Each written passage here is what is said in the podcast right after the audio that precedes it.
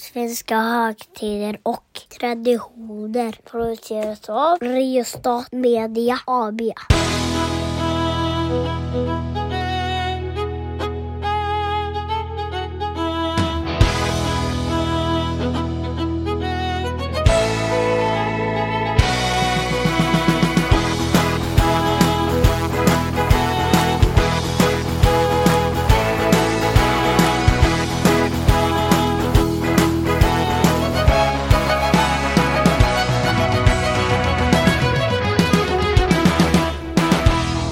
Hej och välkomna till Svenska högtider och traditioner med mig, Mattias Axelsson och Daniel Karlenfors.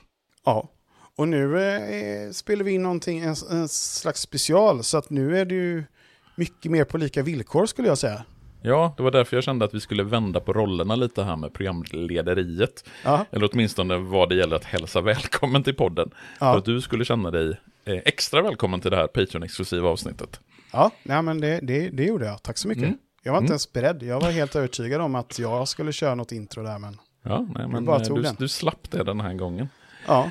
Men, eh, Men ska vad- du vad- kanske ändå Mm. förklara konceptet eh, med de här specialavsnitten som också bara går till, det vet ju ni för ni är ju redan Patreons som lyssnar på det här, men ändå.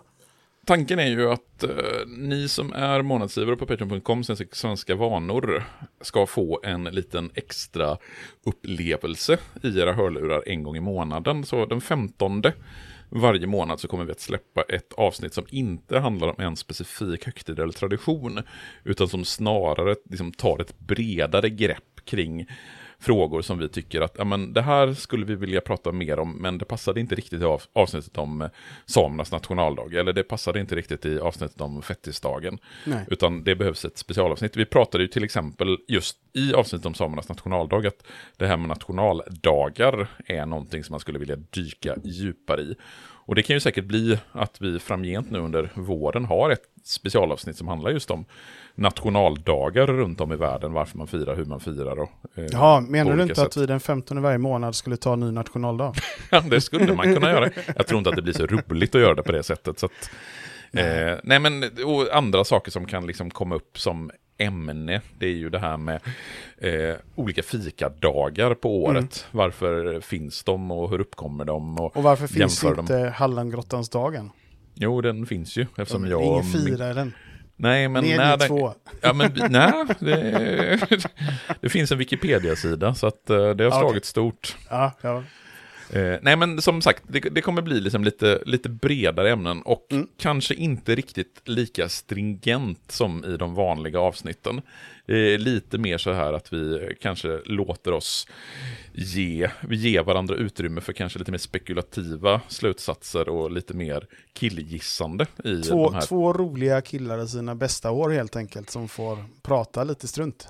Mm, det är lite det som är, alltså lite det som är tanken. Ja, det finns Men- väl lite ändå inslaget av att försöka veta något också. Jo, absolut. Nej, men det är inte, det är inte bara ett, eh, ett eh, gissande, utan det är ett gissande med någon typ av substans, tänker jag, att eh, vi ska försöka hålla oss till. Men det är också ett sätt då såklart att så att säga lite interagera med våra Patreons. Jag Mm. menar, har vi fel så får ju ni gärna berätta det för oss.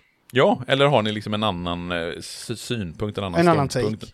en annan take på någonting vi diskuterar, så eh, skriv gärna till oss, svenskavanor.gmail.com.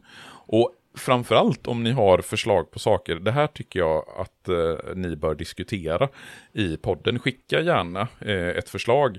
Och om det inte är helt uppåt väggarna korkat så tänker jag att då tar vi det bara rakt av och kör ett avsnitt om det.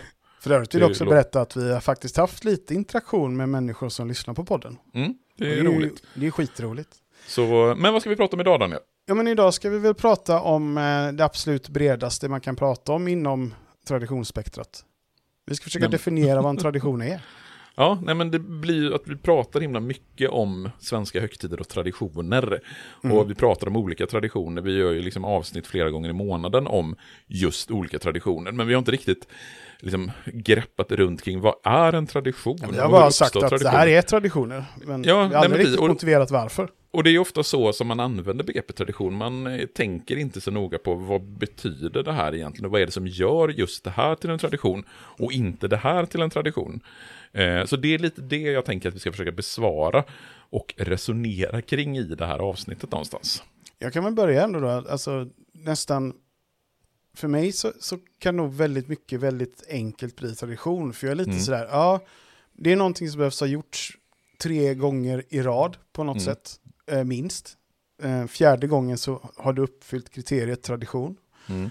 Eh, och, och sen så behöver det finnas någon eller några människor som gör det. Mm. Sen är det en tradition. Så om eh, några människor käkar fil till frukost tre månader i rad så är det en tradition att käka fil till frukost. Om man har sagt att vi just så här, det får bli så här, nu ska vi checka fil, eh, Mm. Eh, tre bla bla bla och så vidare. Det måste vara uttalat, det är inte bara att man gör det, det ska också Nej. vara uttalat att man gör det. Mm. Det måste finnas ett uttalat syfte. Ja, och vad skulle syftet vara då tänker du? Ja, Det kan ju vara vad som helst, det kan ju till exempel vara, nu vill vi skapa en tradition. Mm. Nej men, för, nej, men alltså, du, du är ju inte helt ute och cyklar, för det är ju någonstans det här som gör en tradition till en tradition. Att vi i någon mening upphöjer det till en tradition. Att vi kallar något för en tradition. För om man ska liksom, titta på ursprunget till ordet tradition, eh, så kommer ju det från latinets traditio, som betyder överföring eller överföra.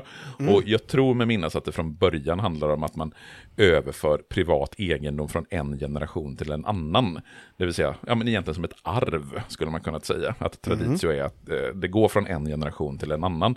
Och att det då till en början ursprungligen handlar om mer materiella ting.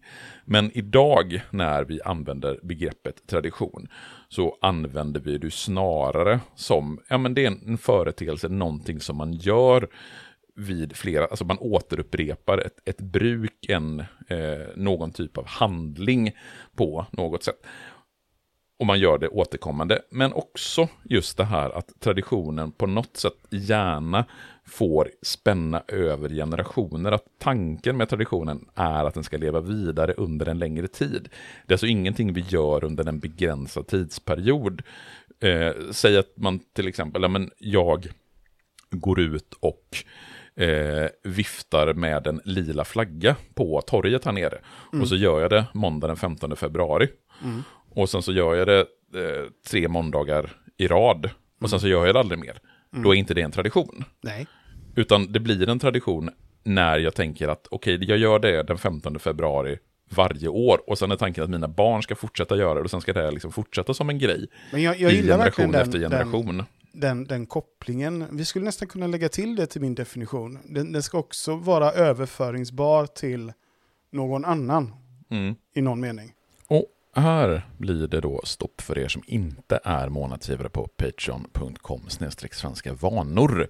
Om ni vill höra hela det här avsnittet där jag och Daniel pratar om traditioner och vad som skapar traditioner, hur de upprätthålls och vilka problem som finns med traditioner.